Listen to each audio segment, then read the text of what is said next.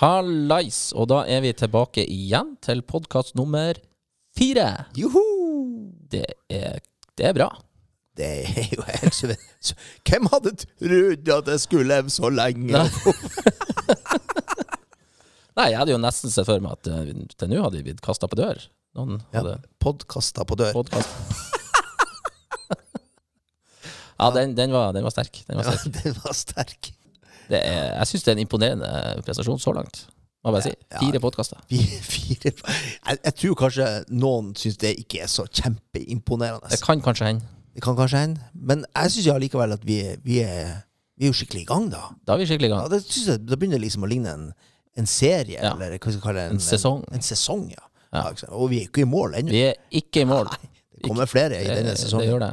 Ja. Uh, og i dag så skal vi vi skal, skal, vi skal ikke på dypt vann, kanskje, men vi skal i hvert fall inn på et uh, litt sånn dypt tema. Ja, Eh, vi, altså. vi skal vi, dypere enn det her kom. Dette er, dette er, dette er Marianergropen. av dype tema, det det. altså. Og det er, et- det er et tema som um, jeg vel, ikke, jeg tror jeg kan komme med påstand om at det her er et tema som alle har hatt, eller har et forhold til. Ja, det tror jeg. Jeg tror faktisk bare det å være Bare det å være til, bare det å være i livet, Ja. på en måte gjør at, at dette her har du et forhold til. Det Ja. Og det, vi skal jo da til vi kan jo avsløre det, vi skal jo til meninga med livet. Ja, Intet mindre. Altså. Hvorfor er vi her? Ja. Hva er det som er greia? ja, hva er greia? Det skal vi innom. Og det, det vi ikke, ikke dypere enn det, altså. Nei, jeg tror kanskje ikke det. Jeg tror kanskje ikke Og, og jeg skal ikke si at vi kommer til noe vi kommer, altså, vi kommer til noe svar i dag. Jo, klart. Hør på oss, og på slutten, helt på slutten så får du svaret på meningen om livet. Bli forklart. Vi forklarte meninga om livet. Eh, og til å forklare oss det her, eller til å ha en samtale om det her, så må vi ha, vi må ha fagfolk. Men, mener jeg. Det kan være greit, ikke sant? For igjen så er det her sånn eh, Det her er jo sånt tema som er, man kan lett kanskje gå seg litt vill i. Ja. Det gjør vi helst i òg, men, men eh, Ja, så vi har fått med oss en professor eh, i filosofi, James McKirk, ja, og han er flink, syns jeg. flink fyr. Eh, og, han skal, og han skal hjelpe oss litt med å sette ting litt i perspektiv. Om ikke perspektiv, så måtte få litt eh, systemer på ting. Og han gjør det på en god måte, syns jeg. Ja, absolutt. Eh, så det blir bra. Eh, og så har vi fått med oss eh, hun Helene Kallevik, som er student Ja. eh, her på Nord universitet. Eh, som har, uh, Hun har tatt noen tydelige valg i livet. hun har tatt noen tydelige valg. Tydelige valg i livet. Hun har liksom valgt å, å, å eh, Valgt å, på en måte, å, å hoppe inn i, i det kristne livssynet Ja. med, med, med, si, med hele seg. Ja, for det jeg syns var interessant med Helene, var jo at hun ikke har spesielt eh, kristne foreldre. eh, men så fant hun ut eh, litt i voksen alder at jeg er kristen. Tok et klart valg. Ja, så, så det blir spennende å høre med henne med, med, med, med en veldig sånn tydelig eh, innfallsvinkel til det her spørsmålet. Ja. Uh, Meninga med livet. Om, om, om hvordan hun på en måte kommer det i møte. ja. Ja. Uh, og det, det er jo fint. Det er fint. Uh, for det, det som er et poeng for oss, og det syns jeg er viktig, det er at vi det er å få, få studenter og, altså med litt forskjellige meninger og perspektiver. Ja, det er det. Og, ikke, og det er også et godt utgangspunkt for å invitere deg som hører på, til å komme med noen synspunkter. Ja. For vi ønsker jo selvfølgelig at eh, etter alle podkastene våre, så, men kanskje det, kanskje det kommer mer, mer til uttrykk i denne episoden, at dere deler deres meninger og tanker. Ja. Kom, fortell oss litt om hva, hva, hva mener du er meninga med livet, Ja, rett og slett. det syns vi er fint. Ja. Gå på de der du finner, der du finner oss. Eh, Facebook, eh, Kanskje Instagram, Ja. eh, ikke sant? Um, og så um, Og del. Og del. Si noe om hva du eh, Hva er det som gjør at livet har mening for deg? Skal vi, må vi kan jo forberede litt på at det, det, her, det her blir en, det blir en god episode, blir, men det, det kan jo bli en litt eh, Om ikke en tung episode, så, så, så vil det jo Den vil jo på en måte utfordre deg som hører. Ja, Og det syns jeg er fint av og til. det er det. I aller høyeste grad. Skal vi bare komme i gang? Vi gjør det.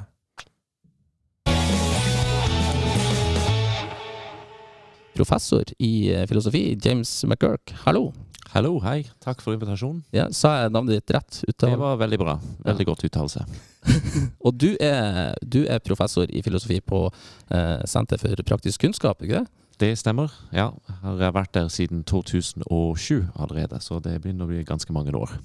Ok. Og hva er uh, hoved... Uh, altså, hva er det du måte, er, mest inne på? Hva er det du har forska på og er opptatt av? det er en rekke forskjellige ting. Jeg skrev doktorgradsavhandlingen om Platons kjærlighetsdialoger, som er et veldig sånn omfattende tema. Eh, Ja. og Også filosofiens rolle i det offentlige liv var en del av, av eh, dette arbeidet. Siden jeg kom hit, så har fokuset vært mer på eh, spørsmål om kunnskap, kunnskapsdannelse, kunnskapstilegnelse. Spesielt praktisk kunnskap og eh, yrkespraktikerens kunnskap og måten det kommer til uttrykk i handling etc. En del ting som det. Og eh, i de siste årene også har jeg hatt eh, fokus på spørsmål om etikk og eh, verdier spesielt. Spennende. Det er mye. Det er ganske mye. Så det er nok å gjøre. Og- Og for det trente høres du har en liten aksent. Du er ikke fra Norge, du er fra Irland. Ja, det, Dublin. jeg er opprinnelig fra Dublin i Irland. Eh, Ja. Men eh, jeg har bodd i Norge nå i eh, det, begynner, det nærmer seg 16 år. Jeg flyttet i 2003 til Stavanger, og flyttet til Bodø eh, fire år Ja. senere. Hva var det som gjorde at du tok veien over til Jeg har en Norge? eh, norsk eh, kone. Eller Ja. jeg hadde en norsk kjæreste på den tida som har blitt kone i mellomtiden. Så bra. Veldig fint å ha deg her. Ja, takk skal du ha. Og i tillegg til å ha med oss en James, så har vi med oss eh, en student på førsteåret, og Helene Kallevik. Ja, hei, hei. Hei! Stas og flott å være her. Ja, og mm. veldig glad for at du kunne komme. Takk. Og du, eh, hva er det du studerer for noe? Jeg har begynt på lektorutdanning i historie og samfunnsfag på Universitetet her i Bodø. Wow. Mm. Hvorfor ble det lektor? Hvorfor lektor? Um, det er fordi jeg ønsker så sterkt å jobbe med ungdom senere. Ja. Og da er det lærer jeg tenker er aktuelt, egentlig, for å møte den aldersgruppa. Det er ungdomsskole, men mest videregående jeg sikter meg inn på, da. Ja, Mm. spennende. Ja, så det er, Og det er hvorfor, min brann, mitt ønske. Mm. og hvorfor ble det Bodø på deg? Hvorfor kom du opp hit? Um, jeg har bodd i Tromsø i tre år. Ja, Uh, Flytta rett ifra Tysvær utenfor Haugesund, hvor jeg kommer ifra, ja. og opp til Nord-Norge. Og ble veldig glad i den landsdelen her. Og så fant jeg ut, når jeg skulle studere videre, at eh, hm, tror ikke jeg skal tror ikke jeg skal bli i Tromsø. Og så vurderte jeg litt andre byer, og så havna jeg på at Bodø, det, det er en fin studie, Ja. studieby. Og som Ja. bodøværing så må jeg jo støtte fullt Ja, ja, ut og si at det å flytte fra Tromsø, det er aldri feil. Stemmer. Ja.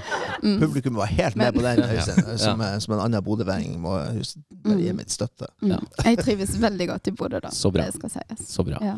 Um, og nå når vi skal prate litt om uh, meninga med livet, så ja. er jeg litt opptatt av eh, det Hva, hva har, har du funnet noen mening med livet? Om jeg har funnet noe mening med Har det. livet? har du, siden, du siden jeg spurte deg om å være med her, har du tenkt litt på meninga med livet?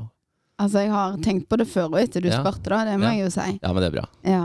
Um, jeg har stilt Det er jo et ufattelig stort spørsmål i én podkast, så det er jo eh, vann over hodet å begynne å snakke om dette på én time, som vi kanskje sikter oss inn på. Men eh, når jeg gikk på ungdomsskolen, så funderte jeg veldig mye over dette spørsmålet. Hva er meninga, hva er greia, hva, hva i all verden er det vi holder på med her, liksom? Um, og jeg hørte kristen forkynnelse. Mm. Og så husker jeg jeg tenkte, når jeg var på sånn ungdomsmøte i Haugesund, at eh, ja, kanskje det er noe større. De snakket om en gud, de, snakket, de hadde en sånn gammel bok der. Og så tenkte jeg at ja, kanskje det er noe her. Og så kom jeg hjem, og så ja, sa jeg til mamma og pappa at vet du hva, jeg, jeg, jeg har blitt kristen. Og så ble det tatt imot så som så. Jeg kommer fra en familie som ikke, ikke tror på noen ja, gud, eller er kristne, da. Men um, jeg, jeg bar det med meg og tenkte at ok, jo, jeg tror det er noe mer enn det jeg klarer å se, enn det jeg klarer å kanskje skjønne eller vet allerede. Og så ble jeg konfirmant og tok konfirmasjonsundervisningen min litt sånn på Jeg husker jeg tenkte at ja, jeg har jo kalt meg kristen, så dette må jeg liksom høre på eller lytte til, da. Um, og det var nå greit. Jeg fortsatte å kalle meg kristen. Og så var det en periode i livet der eh, vi fikk litt mer motstand i familien. da. Eh, det var ting som skjedde, og ting som en ikke hadde helt kontroll på. Mange vonde ting. Som, eh, og det er litt løye hvordan når ting blir alvorlig, eller noen du er glad i eh, forsvinner eller ut av livet på en eller annen måte, hvordan jeg begynner å stille disse større spørsmåla. Hva er greia? Hvorfor skjer dette? Hva skal jeg gjøre nå? Um, og da var det ei som sa til meg hun var, hun var kristen, og hun var ungdomsleder. Og jeg, tror hun hadde skjønt at jeg hadde det litt tøft, eller at jeg tenkte liksom ekstra i den perioden.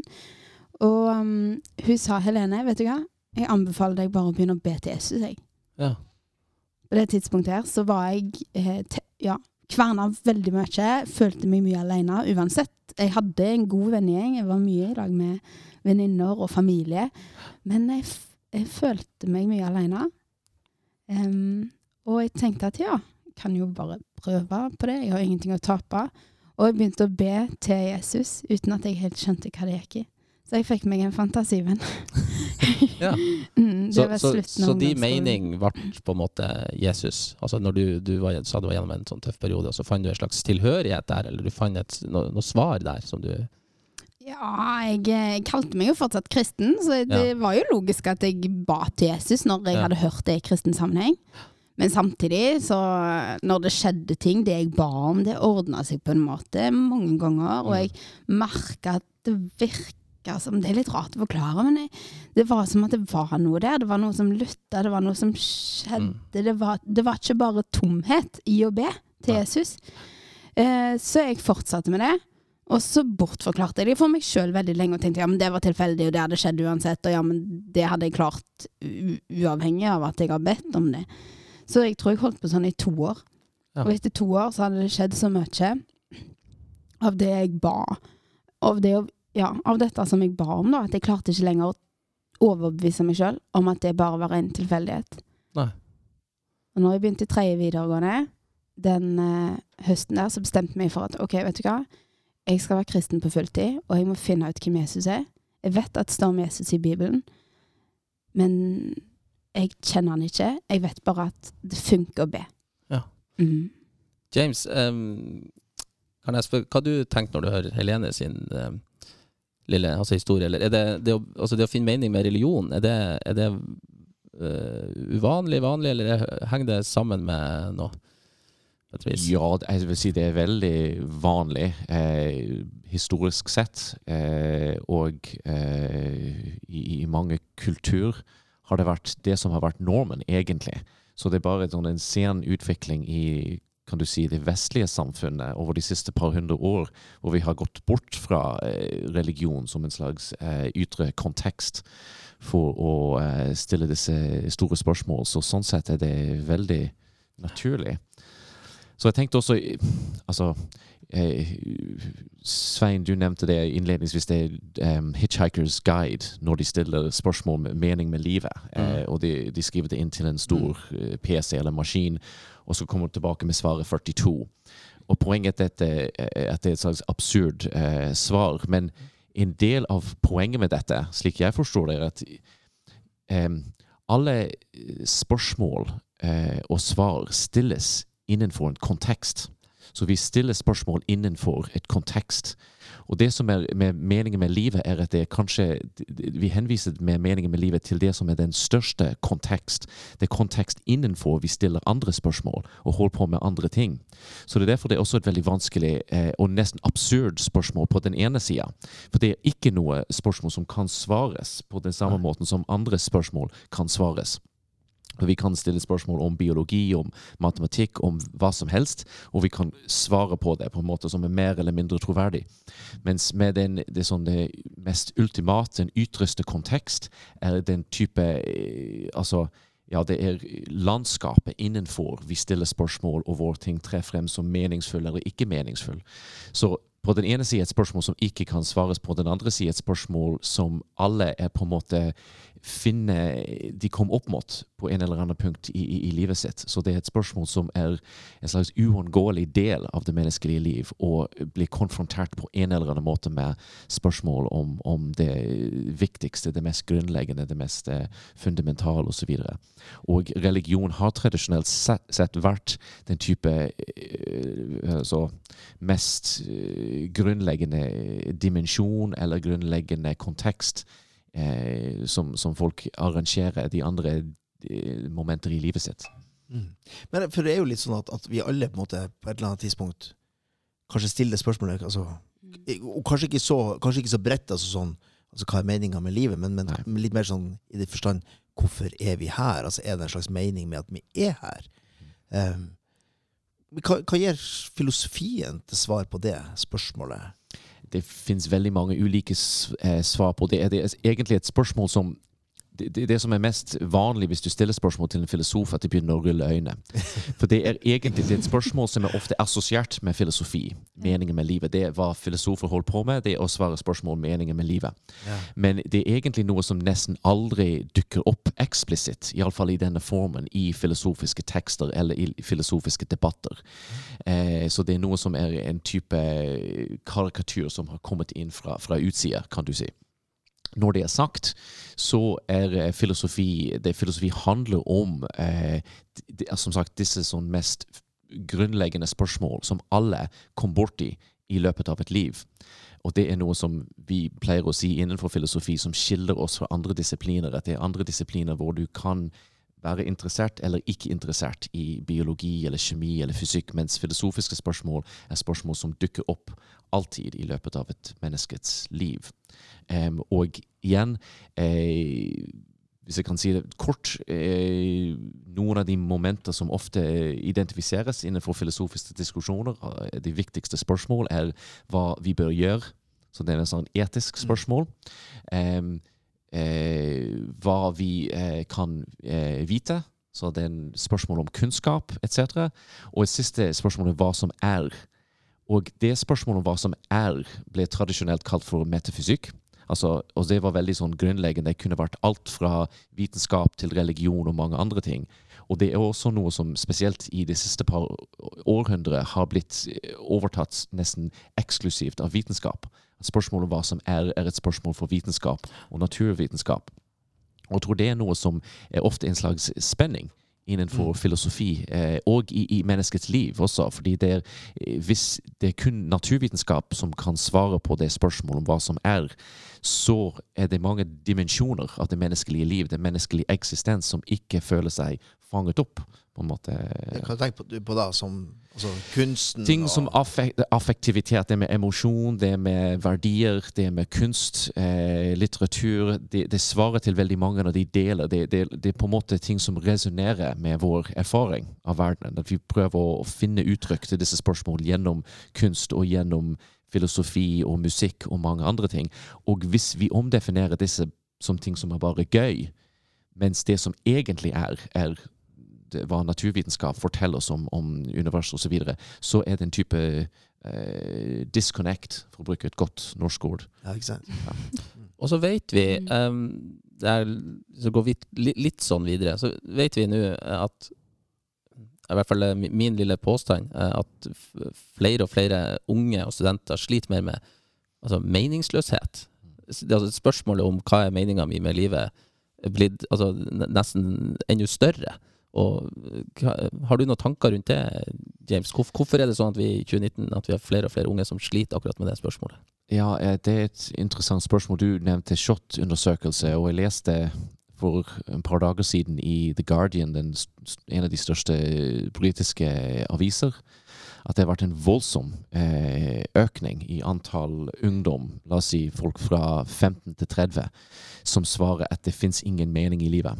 Så det var i underkant av eh, 10% rundt sånn 2008-2009, og opp mot 20 nå, ti år senere. Så det er en ganske voldsom økning. Um, det er litt vanskelig å si. Sikkert Helena har noen perspektiver på dette, men jeg, som jeg eh, tenker litt sånn umiddelbar, er igjen den type eh, mest grunnleggende kontekst, at folk føler seg veldig isolert. At på den ene side så har vi noe som er Du kan si det er bra på mange måter at vi myndiggjør folk. At vi sier de skal bestemme sjøl, de skal ta ansvar for sitt eget liv, og de skal bestemme sjøl hva de skal være, og ikke la foreldre eller tradisjon eller religion eller andre ting bestemme hva du skal være, hva du skal velge å gjøre, etc., etc. Så på én side er det noe veldig positivt, men på en annen side er det noe som isolerer folk. Plutselig må de ta ansvar for alt som skjer, og så sliter de veldig med de ting som ikke funker bra, de ting som er vanskelig, og de har ingen eh, større kontekst å, å, å tenke innenfor. Så jeg tror det er eh, kanskje noe som bidrar i alle fall til dette. Men litt av det er jo også saken i f.eks. i kristendommen, ikke? Hvor, eh, hvor eh, man blir på en måte selvstendiggjort på mange måter. Man er tydeliggjort på at man har fri vilje, og man må bruke den frivilligen til å, sånn, til å gjøre, gjøre det beste. Så på et vis så skulle man jo tro at mange kristne følte det sånn, at det var litt sånn Kjente på litt denne, denne kampen. Eh, men hvordan er det eh, hvordan er det, hva, du kjenner på det, Helene? Altså, eh, er, det, er det en sånn type basal trygghet i det å ha et sånt eh, religiøst livssyn, kristen livssyn? Um, jeg har eh, fått et annet fundament, kjenner jeg, da, i mitt liv, i forhold til det jeg hadde før. Hvor jeg var mye mer usikker, bare når det gjelder selvbilde og trygghet. Da, så var, var jeg mye lettere å rive ned, på en måte. Og når ting skjedde i livet, når det var utfordrende ting eller store spørsmål, eller eksempel bare det at en ufattelig mange ungdommer i dag er utrolig pliktoppfyllende, opplever jeg, da. Folk skal prestere, folk er dyktige, folk er gode på så mange områder. Og så blir det en sånn ekstrem konkurranse hvor alle egentlig er ganske kommet ganske langt og er flinke. Men så blir en aldri best, og en kan alltid bli bedre på mange områder, men tida strekker ikke til. Og så begynner en kanskje å stille seg spørsmål hva er greia, hvorfor gjør jeg dette? Hvis en ikke trives med ting, hvorfor følger en andre sine krav? Hvorfor er dette forventninger andre har til meg, som jeg egentlig ikke egentlig har behov for å følge? Og så um, Ja, jeg For min del, da, så begynte jeg å snu litt mer opp på ting. Nå mista jeg nesten helt spørsmålet ditt her. Hvor det? Jo. Det går på det med trygghet. altså Du kjenner at det er, liksom, det er noe Ja, som gir stemmer. noe. Ja. I alle disse tingene hvor jeg kjente at ok, jeg har ikke kontroll, altså jeg, og jeg vil ha kontrollen i mitt liv. Jeg vil vite hva jeg holder på med, eller sånt. Den, eh, føler at det er jeg som har makta. Eh, så mista jeg den, og så skjønte jeg at eh, ok, jeg tror det er noe større her. Jeg tror det er noe mer å forholde seg til. Og begynte å finne ut mer om Bibelen. Begynte å bli bedre kjent med hva som står i Gud sitt ord. Og finne der at eh, vi har en Gud som bryr seg om oss. Vi har en Gud som vil ha med oss å gjøre.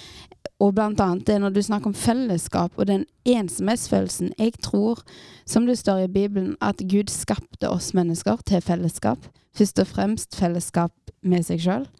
Eh, altså at Gud vil ha fellesskap med menneskene, men òg at menneskene skal få lov til å ha et fellesskap oss imellom. da.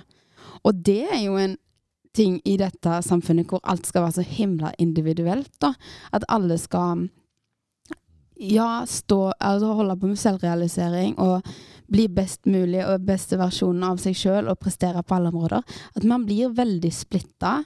Og så tror jeg at når man setter seg ned, eller stopper litt opp, eller tar en pause fra alt det jaget hvor alle kjører på og holder ting gående, at en merker at eh, ja, her er det noe som mangler.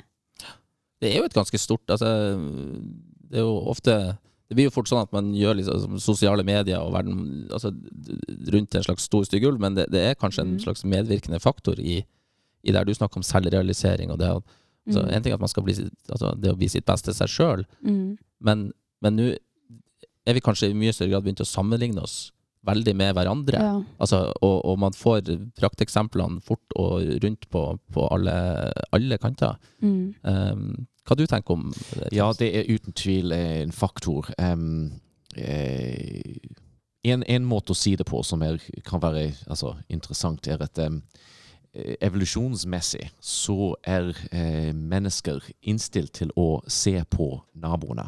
Mm. Og det er en veldig god grunn til det. For hvis vi eh, holder på med å dyrke land og, og prøve å, å eh, dyrke grønnsaker eller noe sånt, og jeg bor ved siden av deg, og du får mye bedre resultat enn det jeg får, så kan, er det veldig naturlig at, vi, at jeg ser på hva du gjør. For det er sikkert noe du gjør som jeg kan lære fra. Og det er en de, egentlig en av de mest i, i, i nyere tid, noe som har blitt identifisert som en av de ves, mest vesentlige aspekter ved menneskelig evolusjon. Den evnen til å imitere hverandre, til å være oppmerksom på hva andre gjør. Så vi er veldig fellesskaporientert på denne måten, til og med også.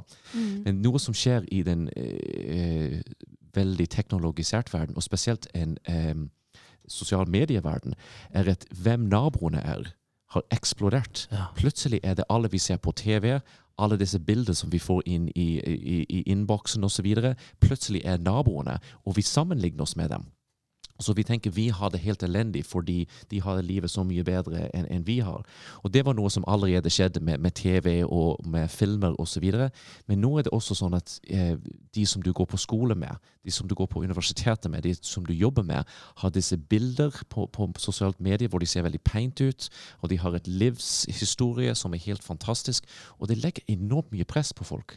Og så Det er noe som på den ene sida har brakt oss mye nærmere hverandre, sosiale medier, men samtidig noe som har pulverisert og fragmentert og fått folk til å føle seg enda mer mislykket enn det de gjorde før. Så jeg syns det absolutt har eh, veldig stor eh, innflytelse. Og de, de sier det spesielt på jenter, eh, Mm. unge jenter, tenåringer, eh, men, men for gutter også, og for alle, egentlig. Ja. Det er noe Mm. som er en blandet sak, vil jeg si. Ja. Hva er ditt forhold til ja, sosiale medier? òg. Sosiale medier. ja. Um, jo, altså det handler jo om, eh, når du snakker om James, da, at hvor har vi blikket henne? Hvor er det vi ser? Hva er det vi ser etter? Hva er det vi lengter etter? Og i sosiale medier så er det jo lett å følge folk som er altså dyktige, flinke, fine og perfekte på alle områder. Og så er det fasaden folk legger fram, eller legger ut, oftest i hvert fall. Nå begynner de å få de som går litt imot strømmen der òg. Og hvis alle, sånn som du sier òg, at det, før så vi på naboen vår. Før, hvordan dyrker vi jord, og hva er det vi skal gjøre for å bli enda bedre? Men nå har vi jo ufattelig mange naboer gjennom mobiltelefonen. Og ufattelig mange medier hvor vi skal bruke, altså se på alle de rundt oss som gjør det bedre enn oss. Og da graver vi oss lett ned. Eh, og det syns jeg er vanskelig sjøl. Jeg kjenner jo at ok, da er jeg egentlig ikke spesielt flink på noen områder, fordi det er jo alltid noen som er litt bedre eller mye bedre på de ulike tingene eller temaene. Men eh, eh, som kristen, da, eh, etter jeg har blitt kjent med Jesus, så tror jeg hovedsaken det er det at jeg har flytta blikket mitt. Jeg ser ikke lenger på Eller i hvert fall forsøker å ikke ha hovedfokuset mitt på hva er det andre gjør rundt meg som jeg skal gjøre bedre. Men jeg ser på Jesus og spør, eller ser, hva, hva er det han sier om meg? Hva er det han sier om mitt liv? Hva er det som står at Jesus har gjort for meg? I Bibelen så står det at eh, Jesus han elsker hvert og et menneske så ufattelig høyt at han valgte å dø på korset. At han valgte å ta på seg syndene våre og dø for dem, og så ble han reist opp igjen til et nytt liv, fordi Gud godkjente den straffen som egentlig jeg skulle hatt. da. Han tok på seg all verdens synd, står det. Og når jeg har fått eh, Når jeg får lov til å se hva, hvordan et menneske, da, Gud eller Jesus, som òg er Gud, når han kan vise den store kjærligheten til meg, eh, og hvor høyt jeg egentlig elsker, så er det en annen verdi enn det jeg kan klare å prestere med å få til her i livet. Så jeg ser ikke lenger på hva jeg kan gjøre bedre. Jo, jeg vil vokse, jeg vil lære meg ting, jeg vil modnes, jeg tar utdanning. Jeg, altså det, en skal fortsette å leve her. Men en er først og fremst kalt da, til å se hvem som virkelig elsker en, og så har jeg fått en ny identitet i Jesus. Noe som må gjøre at for eksempel bare så enkelt som karakterer er ikke, rokker ikke med min verdi her på universitetet, eller andre ting som skulle måle meg, og hvor flink eller hvor fin eller hvor lite fin eller lite flink jeg er. Det er veldig interessant, egentlig. tenkte jeg, i forhold til også, um, Det du beskriver, er um, å komme i en posisjon hvor du blir sett på, Mm, ikke hvor du, hvor du bare ser på. mm, Og det er igjen noe sånn paradoksalt noe, en av det som, som, som isolerer folk veldig i den sosiale medieverdenen, at, er at vi ser på andre hele tida. Og det er noe som egentlig har den type effekten at vi føler oss veldig alene mm, som resultat av dette. Eh, For vi blir møtt med en tsunami av eh, suksess og vellykkethet Mm. osv. Um, jeg husker det ble sagt i forhold til smerte i verden. Det var et slags religiøst argument egentlig om at det er så mye smerte i verden at man kan føle seg overveldet at det er så mye. Men én ting, uten at det gjør det noe særlig bedre, men at, det ikke, at den smerten er distribuert i verden. Det er ingen som egentlig lider med alle verdens lidelser. Det er distribuert over mange, over mange flere. Men det samme gjelder det suksess i den sosiale medieverdenen. Men det som man møter, er bare én ting etter den andre. eh, som er Altså, det er for mye. Men så det du beskriver, er et interessant perspektiv i forhold Mm. til det. For du, det som du gjør, er du snur det, sånn at du føler at du først og fremst setter på. Mm. Og det er noe som gjør det mulig å, å altså, møte verden med en annen blikk. Alle. jeg Ja, ikke sant? Og at du får på en måte At verdien på en måte bekreftes et, fra et annet sted, på et vis. Mm. Mens i det her litt moderne, eh, kan du si litt sånn den tida hvor alle skal på en måte bli Ja, hvor man legger vekt på på en måte egoet, og at man skal lykkes sjøl, og så blir det i en sånn evig sammenligning med andre, at man måler sitt egen verdi i forhold til alt det man ser. Ja. Så faller det kanskje litt sammen, på et vis. Ja, og som sagt, du, du møter en slags Det er ikke sånn enkeltindivider som har suksess, det er en slags overordnet bilde av suksess. For du leser den ene ting etter den andre, og det du får, st står igjen med, er det som om det er en person, nesten, som har oppnådd alle disse forskjellige ting. Psykologisk sett er det sånn det ofte oppleves. Eh, og det er noe som har en slags effekt, at folk føler seg litt sånn knust. For, Eller, for samtidig, vi vet jo kanskje litt om at, at alle de her såkalte suksesshistoriene som vi leser om i sosiale medier eller på, på internett og sånt, at, at kanskje er det ikke sant på et vis. Altså, kanskje er det bare et bilde, kanskje er det bare Ja, men det er også igjen noe som På den ene sida så vet vi det, vi sier det, men på en annen måte er det noe som, får, som blir bekreftet gang etter gang. Så det er vanskelig egentlig å holde eh, fast i den eh, sånn eh, i, altså, i, altså det, kan tros på en måte at det er falsk og det er ikke helt sant, men samtidig er noe som, som kommer inn i, gjennom eh, sosiale sosial medie-feed hele tida, som virker veldig bekreftende eh, over tid, tror jeg. Ja, det her er mm, veldig interessant, syns jeg. Um, jeg satt og tenkte når du prata om, om kristendommen, så um, er, det, er det sånn at vi altså det at man Kan man legge det inn i ligninga eller i regnestykket på et eller annet vis på at man føler på eh, at, at flere føler på motløshet? At man er blitt med altså, blitt, altså flere og flere altså, har fått bort fra det religiøse ståstedet på et eller annet vis? At vi er blitt mer, eh, mer individualister? Eller er det en Ja, eh, sier det på en annen måte, uten at det ehm, eh, For folk kan ha litt sånn ulike meninger om det, om det spesielt det religiøse dimensjonen med, med, med saken. Men det er det som det religiøse var, og det hadde en type, la oss si, psykologisk og, eller antropologisk funksjon, at det var den type ytre kontekst som ga mening i et liv. Og noe som skjedde i den eh, altså, vitenskapelige alder, og jeg sier ikke dette for å være eh, avvisende til det vitenskapelige alder, så misforstå meg rett, men, men poenget er at eh, innenfor den vitenskapelige alderen så har vi tenkt på religiøs tro for det første som noe som bare er i hodet. Noe som kan skrives ned, ting som folk tror. Og på den andre sida er noe som var primitivt eller naivt, som har blitt erstattet av vitenskapelige svar. Men det er egentlig å misforstå hva, hva religion er som et fenomen.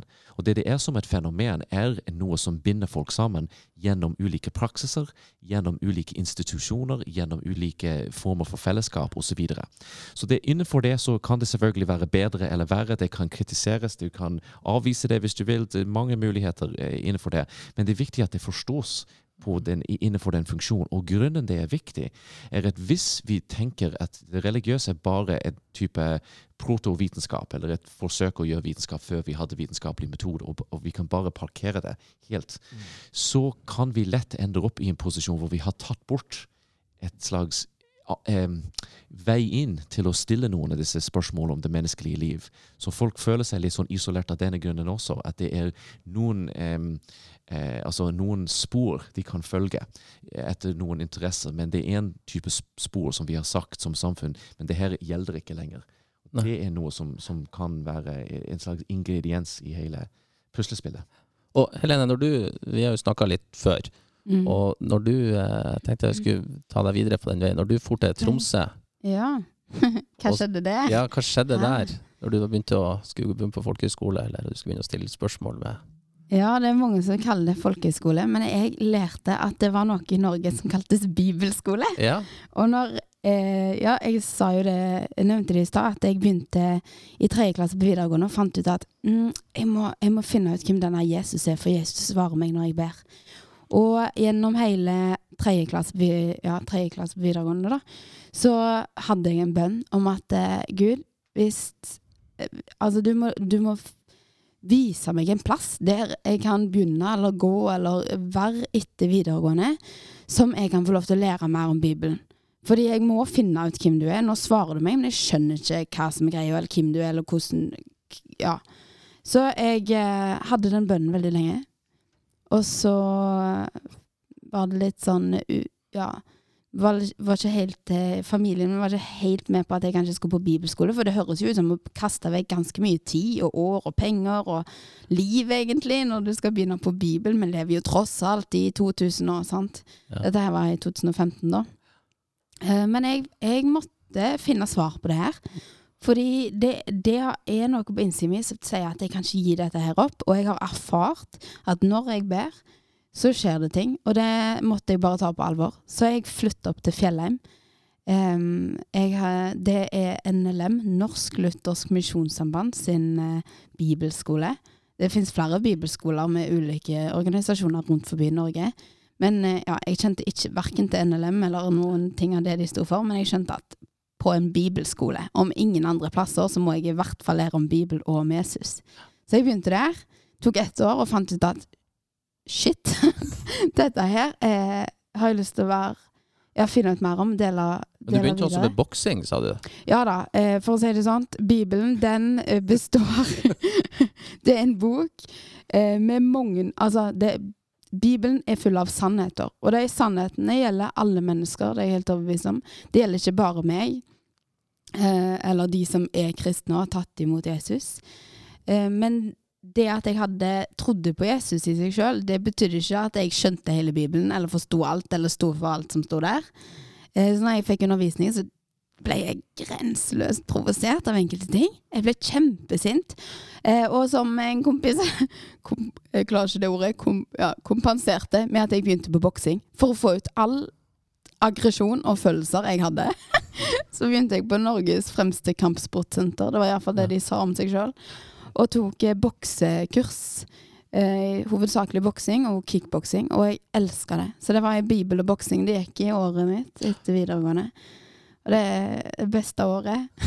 Men, men når du sier, når du sier at, at noen blir Det kan hende at noen som hører på det her, også blir provosert av ikke sant, når du sitter og Ja, jeg sier har at, at full forståelse for det. Bibelen, altså. Herlighet. Jeg rev av meg håret noen ganger av det. ja? Og noen vil, jo, noen vil jo si at ikke sant? For det, det er jo mange som kanskje også på en måte er litt på den her eh, Altså driver med en type religiøs praksis og ikke har de samme opplevelsene som du har. Altså Mm. ikke opplevde em, at det gir på mange måter samme mening. Og, og generelt i samfunnet så er det jo altså vi er jo det er blitt ganske sekulært etter hvert. Mm. Eh, Og noen vil påstå, ikke sant, litt som vi var inne på, altså med bakgrunn i vitenskap, ikke sant, at, vi er, at vi er en del av en eh, kan vi si, altså, Vi er en biologisk prosess. Mm. That's it. More or Mm. less. Sånn grovt fortalt. Um, hva tenkte du om de som sier det, og sier at ikke sant, Litt som James var inne på, at det som, det som i, går i forhold til kristendom og tru og sånt, det er et litt sånt tilbakelagt kapittel. Ja, jeg, jeg vet ikke om jeg har et svar på akkurat det, men jeg får eh, prøve å snakke Tenke litt eh, høyt om det. Så eh, i livet mitt så har jeg jo ikke bygd på de kristne verdiene, føler jeg, da. Men når jeg da begynte på bibelskole og lærte mer om hva Bibelen egentlig sier, hva er det som står her, hva er det Gud mener, så var eh, Hvis en virkelig leser det, prøver å forstå hva det betyr, så provoserte det meg. Jeg tror det er lett at vi liksom bare Å ja, ja, Jesus gikk på vannet, det er jo helt greit, det, er jo en eventyrbok. Men hvis når jeg møtte bibelskolen og undervisningen, da, med det at dette her er sant, jeg må finne ut hvordan det funker, hvordan det henger sammen, hva er greia, så ble jeg jo Jeg måpte jo. Jeg gikk, jeg, jeg, altså jeg gikk ut i protest i enkelte timer, for jeg ble jo helt sånn der satt ut av ting de lærte meg. Men Og jeg holdt på å slutte et par ganger gjennom det året, faktisk.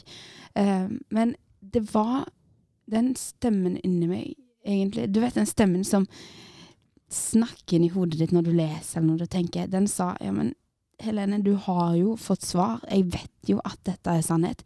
Og jeg forstår ikke alt, men jeg tror det er sant. Selv om jeg ikke forstår det, liksom.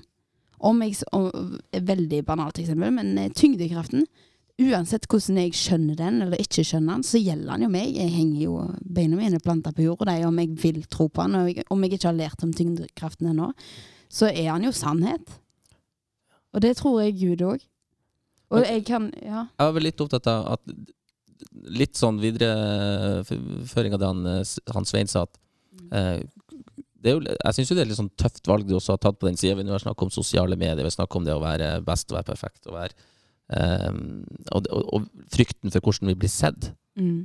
Uh, så hvordan har du møtt, møtt det? Altså møtt andre, for du har vel sikkert møtt en del uh, kanskje negative kommentarer, eller møtt andre som syns at du var rar og tullete, når du, du prater så åpent om det, for det er seg sjøl. Ja, det er jo himla spesielt. Men eh, jeg kan øh, Det er en edderkopp på gulvet. Å, Men eh, altså, jeg, jeg Det er ikke jeg som skal forsvare Guds ord. Det er ikke jeg eller jo, jeg skal jo få lov til det òg, for jeg tror på det. Men det er eh, Gud som står for det han har sagt. Og så er det min oppgave, eller eh, ja, en fordel for meg òg, å få lov til å lære meg å bli bedre kjent med det ordet som Gud har gitt oss. Em, og så må jeg bare holde fast på Eller jeg, jeg klarer ikke nekte for det. Når jeg har testa det, så har det funka. Jeg har gått på det som står i Bibelen, og funnet ut om det holder eller ikke. Og det har det gjort. Og jeg, da må jeg bare si det videre. Det kan jeg dele. Jeg har bedt Jesus. Han svarer. Jeg har erfart at selv om jeg kan glemme Gud, eller glemme at jeg er kristen innimellom, eller det skjedde før, eller selv om jeg kan bli helt sånn satt ut av tvil noen ganger, eksempel, så eh, har vi en Gud som eh, or, ja, jeg vet ikke helt hvordan jeg skal formidle det, men som svarer, som er til stede, og som jobber utenfor rammer som jeg forstår. Og hvis jeg skulle hatt en gud som jeg forstår, hvem er han da? Da er han ingen gud.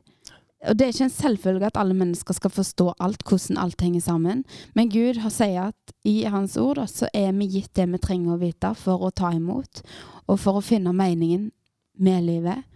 Og jeg tror det å bli kjent med Jesus som har gitt meg mening. Og jeg kan, ja, jeg kan være redd for det andre sier om meg, jeg kan være redd for det andre tenker når jeg vitner så åpent som jeg gjør, da.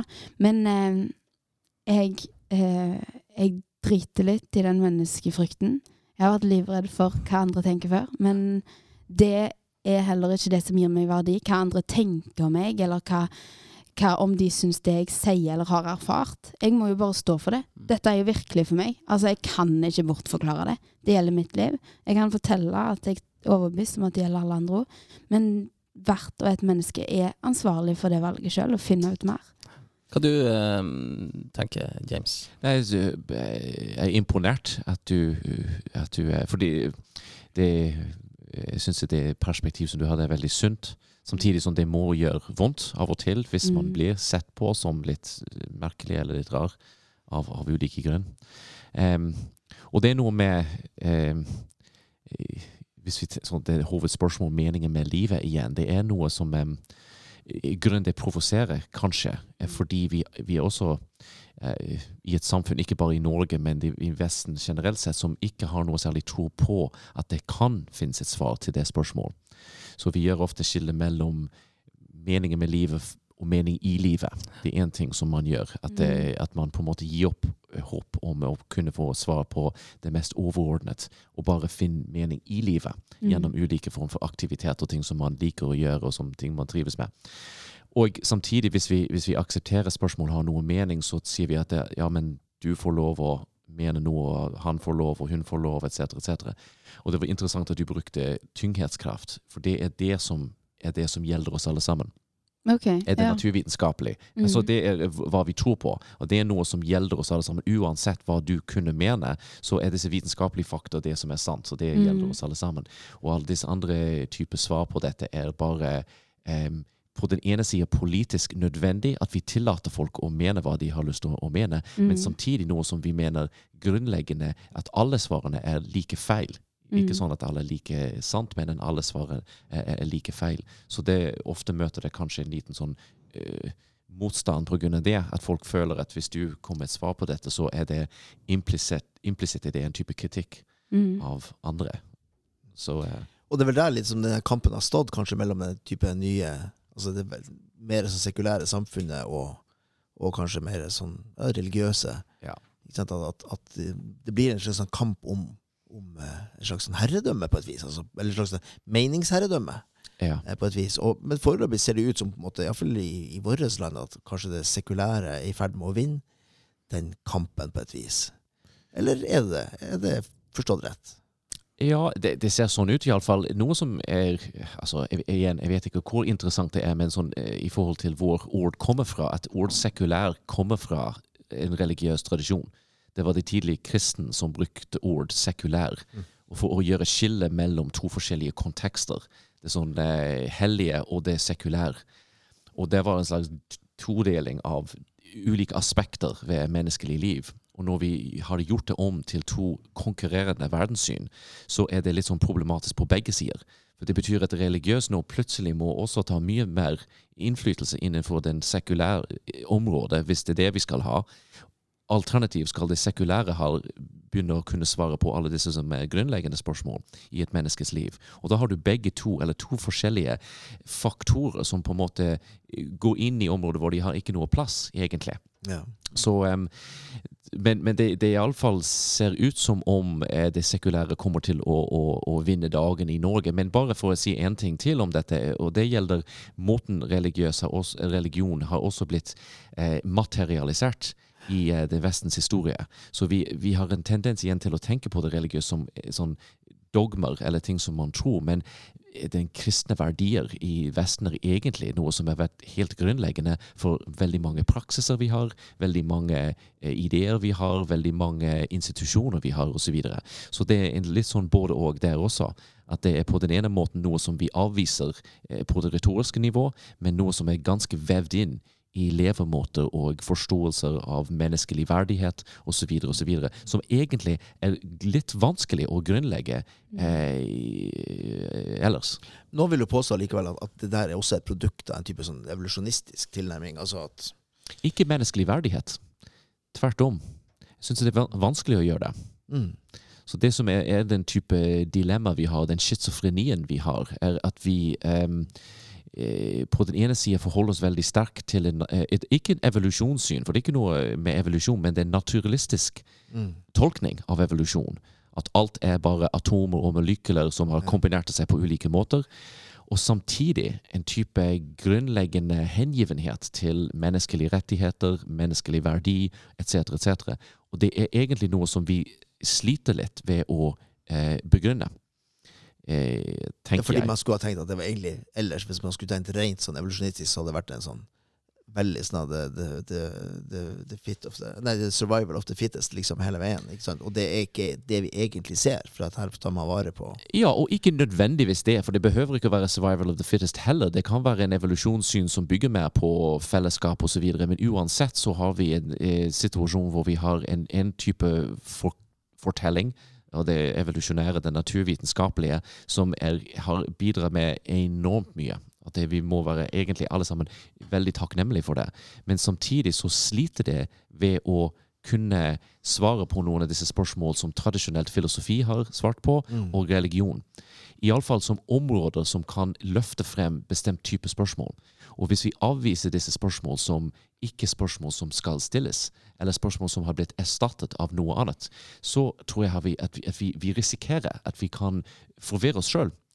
På samme måte som hvis noen gikk inn i eh, kunstgalleri og så på Munchs skrik og sa kan du bevise at dette er en vakkert bilde, da har du stilt feil type spørsmål. Det betyr ikke at det ikke er vakkert, fordi du kan ikke bevise det, men det er to forskjellige områder. Én ting er et slags naturvitenskapelig spørsmål, det andre er et estetisk spørsmål. Så det, hvis vi blander den ene inn med de andre, så kan vi gjøre oss forvirret. Og hvis vi også tenker på noen av disse grunnleggende filosofiske og religiøse type spørsmål som erstattet av en annen type spørsmål, så kan det hende at, det, at man bidrar igjen til den type følelse av eh, å være alene og ikke forstå hvor jeg er, hvem jeg er, hvorfor jeg er her, etc. Men hva er det da som skyldes at måte, den fremgangen til sekularisme, sånn som vi ser den i dag? da? Altså, Det bør jo bety at det er ganske mange som finner en type ja, trygghet, eller tro i altså at, at, sant, at vi er vi er ledd i et slags evolusjonsmessig spill på et eller annet vis. Altså produkter tilfeldigheter, og at størrelsen på universet og alt det her gjør at vi kan egentlig ikke vite noen ting som helst. Og, Ja, men det er igjen tilbake til hovedspørsmål. Meningen med livet det er en avvisning av det spørsmålet. Ja. For det er en måte å komme frem til det grunnleggende spørsmålet og si at det er en slags feil, noe feilaktig i vårt evolusjonshistorie som har produsert et hjerne som er såpass komplisert, som har begynt å stille disse spørsmål, men disse spørsmålene er egentlig misforståelser. Er derfor du har sånn som Richard Dawkins og noen av disse andre kaller for religion som en virus i hjernen. En type biprodukt av en, en evolusjons, en evne til å tenke abstrakt, til å, å tenke på den måten vi kan, som har veldig mange positive effekter. Men en bieffekt av dette var en tendens til å prøve å finne større sammenhenger, sånn som religiøs, men det er egentlig en feiltolkning, eller en feilslutning i hjernen. Så det er eh, hvor vi er nå, og hvis man på den ene siden så kan man kanskje akseptere dette, men på den andre siden så er det noe som betyr at disse grunnleggende spørsmål som alle konfronterer i livet, eh, har ikke bare ingen svar, men at det er feil å, å, å stille dem til å begynne med. ja. Så blir litt av poenget da å, å stille lete etter hva er det, istedenfor å stille spørsmålet hva er meninga med livet, som en slags sånn, det store overordna, det som du var inne på i sted, hva, heller stille spørsmålet hva gir livet mening? Er det Det kan være det. Som sagt, det er noe som ofte har blitt brukt som en måte å omdefinere spørsmål istedenfor hva er meningen med livet, som har en type objektiv eh, assosiasjon. Mm. Så hvis jeg sier hva er meningen med livet, så ha- det, det ligger i formulering av spørsmål at det er et mening med menneskelig livet Mm. som gjelder for meg og for deg og for alle sammen. Hvis vi omdefinerer til mening i livet, som sagt, kan folk få lov å si at ja, men det som gir mening for meg, er å gå tur med hunden på en søndag, eller Mm. å spille fotball, eller eh, studere astrofysikk, eller noe sånt. Em, problemet med dette er, etter min mening, eller en utfordring med dette, er at det, at det For det, en, eh, ting er at det, det gjør alt om til et slags personlig valg. Mm. Det kan være greit nok, men på en annen måte så Hvis noe skjer at jeg kan ikke lenger gå tur med hunden, hvis jeg kan ikke studere lenger, betyr det at livet mitt har ingen mening lenger. Så det er litt sånn paradoksalt nok at hvis jeg sjøl tar til meg hele ansvaret for å definere mitt eget liv, og plutselig i en situasjon hvor jeg kan ikke gjøre det som har definert livet i forbindelse med, så faller hele livet, eh, livet eh, eller meningen bort. Mm. Så det Og det, det har en jo merka Altså, jeg skjønner jo at folk kan tenke at ja, men jeg, har, jeg klarer å lage meg en mening i livet. Jeg klarer å fylle tida mi, jeg tar utdanning, jeg tar jobb, og så har det travelt og fyller tida hele tida med noe. Men det er sånn som du sier, da. Hva skjer den dagen du plutselig ikke kan bruke den tingen til å definere hvem du er, hva som er din identitet, og hva som gir deg verdi? Og det tror jeg da at eh, jeg er ikke avhengig av å prestere eller gjøre noe annerledes, for jeg ser på Jesus som har gitt meg min verdi, og det gjør at uansett om jeg er den gangen jeg var et spedbarn, og nå som jeg er i utdanning, og nå som jeg forhåpentligvis etter hvert skal være i et arbeid, og om jeg en dag havner på gamlehjem, så har jeg den samme verdien, fordi jeg er et menneske. Um, og ja, det er Det tror jeg er meningen, da, at vi skal få lov til å bli kjent med Gud og hva han har gjort, som da gir livet mening. Han har gitt livet mitt mening, og fordi jeg ska er blitt skapt i Guds bilde. Um, og det, det merker jeg jo bare fra dag til dag. Og selv om jeg er student nå, så er det jo noen dager som er mindre produktive, andre dager som er mer produktive. Men det er ikke en forskjell i hvordan, hvordan verdien min er, da.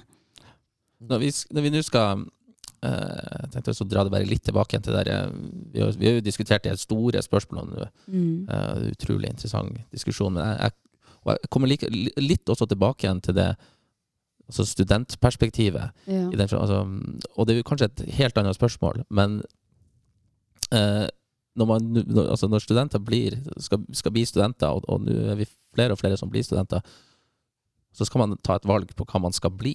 Mm. Og det henger kanskje altså, altså Man skal ta et valg. Det her skal jeg bli, det her skal jeg gjøre, det her skal jeg få til, det her skal bli mitt liv. Mm. Altså, de store spørsmålene kommer kanskje for første gang for veldig mange.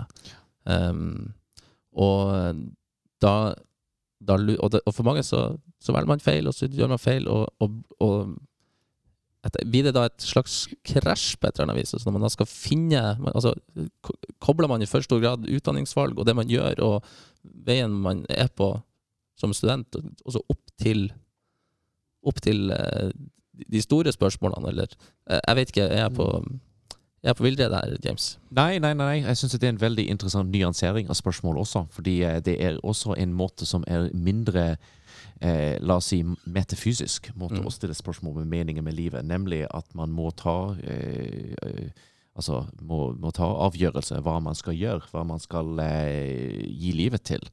Eh, og dedikere livet til på, på en eller annen måte. Så det er noe som er, er en veldig Det, det er akkurat da i, i studenttiden at man må ta eh, denne avgjørelsen også. Fordi skolegangen går mer eller mindre for seg. Du må gjøre det du må gjøre. Men plutselig, når du kommer på universitetet, så må du ta et et avgjørelse. Du må velge hva du skal gjøre. Og det er absolutt noe som gjør spørsmål veldig relevant innenfor på, på denne måten. Vi har snakket på et veldig bred eh, canvas eller leir på meningen med livet fra en slags religiøs eller filosofisk eh, ståsted, noe som gjelder for alle sammen. Men det du er inne på nå, er et måten, ja, det må også være et slags personlig valg av hva jeg skal gjøre, hva, hvordan jeg skal um, uh, ja. ja, hva skal jeg Før gjøre? vi, før vi, vi må etter hvert begynne å tenke på å runde av. Kan tenke på det.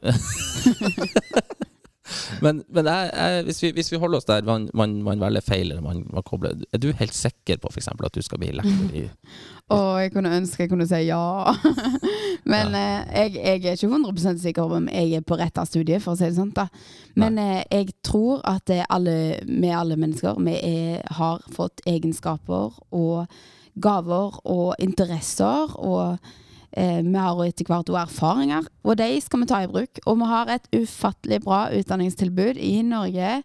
Eh, hvor man kan velge, og jeg tenker at det, velg det som kan det studieløpet da, som kan gi deg muligheten til å vokse og lære mer og modnes og finne Altså, hvor du jo kan finne deg til rette. Og hvis vi bare har den brannen i oss, at det, dette her er noe jeg vil, ikke bare fordi samfunnet vil at eh, du skal utdannes flere lærere, som jeg går på nå, liksom, eller vi trenger ingeniører, men gjør det som du virkelig har lyst til, sånn at du kan trives i studieløpet.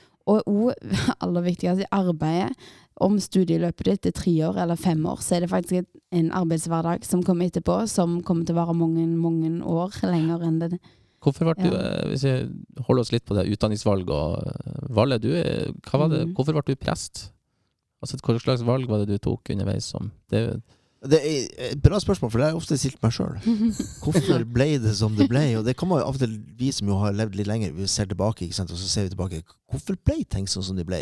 Av og til så er det vanskelig å, å gå opp de sporene igjen. Mm. Eh, For meg så var det på en måte en blanding sant, av å være der litt og alene, sant, med et sånn type personlig overbevisning om at noe var rett. Eller kanskje like mye en, også en overbevisning om at det, det er ikke sikkert det var feil. Nei. Kanskje like mye, altså mer, kanskje litt sånn negativ Mm. lada en inngang. Uh, og det at jeg var en elendig student på videregående, så jeg kom ærlig talt ikke inn på noe annet. Nei.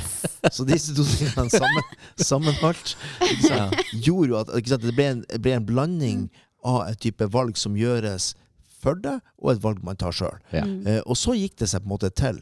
Eh, og, og denne opplevelsen av å være Og det er interessant, det kan jeg koble på der når vi først snakker om det. Det er jo denne opplevelsen av å være eh, Ha en tro om seg sjøl, at man er rett og slett eh, ikke får det til. Mm. Ikke sant? Og ikke kan.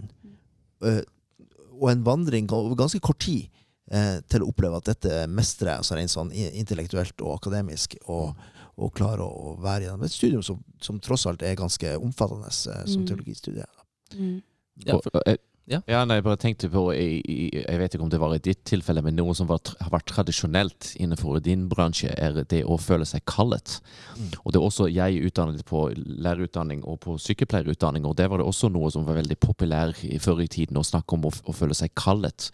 Og det er også noe fra det slags skifting fra det objektive og subjektive dimensjoner. At på den ene siden noe man har lyst til å gjøre, man eh, bestemmer sjøl. På den andre siden noe man føler seg kallet til å gjøre. Men du kan også tenke på den kallet-dimensjonen i en mer sånn sekulær kontekst, nemlig at man føler at man har visse egenskaper, visse talenter. Du var inne på det. Mm. Og det kan være en måte å bidra til verdenen gjennom. Jeg vet at jeg er flink å gjøre sånn og sånn, og tegne eh, bygninger, så jeg skal bli arkitekt, og da kan jeg bidra til, til fellesskapet på denne måten. Så det er også måten å integrere disse to aspekter. Men det som kan være veldig tragisk også i, i, i dag, er at hvis det er mange som føler at de har ingenting å bidra med, og det er ofte det som veldig mange sliter med. Ikke at de, at de har ingen ønsker sjøl, men at de føler at de ikke duger. Og Mm. det er veldig tragisk. Og det betyr at en objektiv dimensjon veier veldig tungt for oss alle sammen.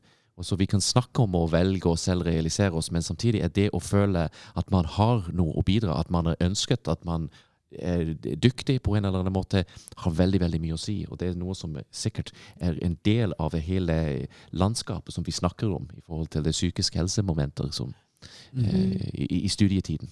Og så har vi jo mange valg i livet. Studiet er jo bare ett av dem. Eh, og jeg tror vi kan føle at vi går på trynet, og at vi tar mageplask i mange av valgene vi gjør.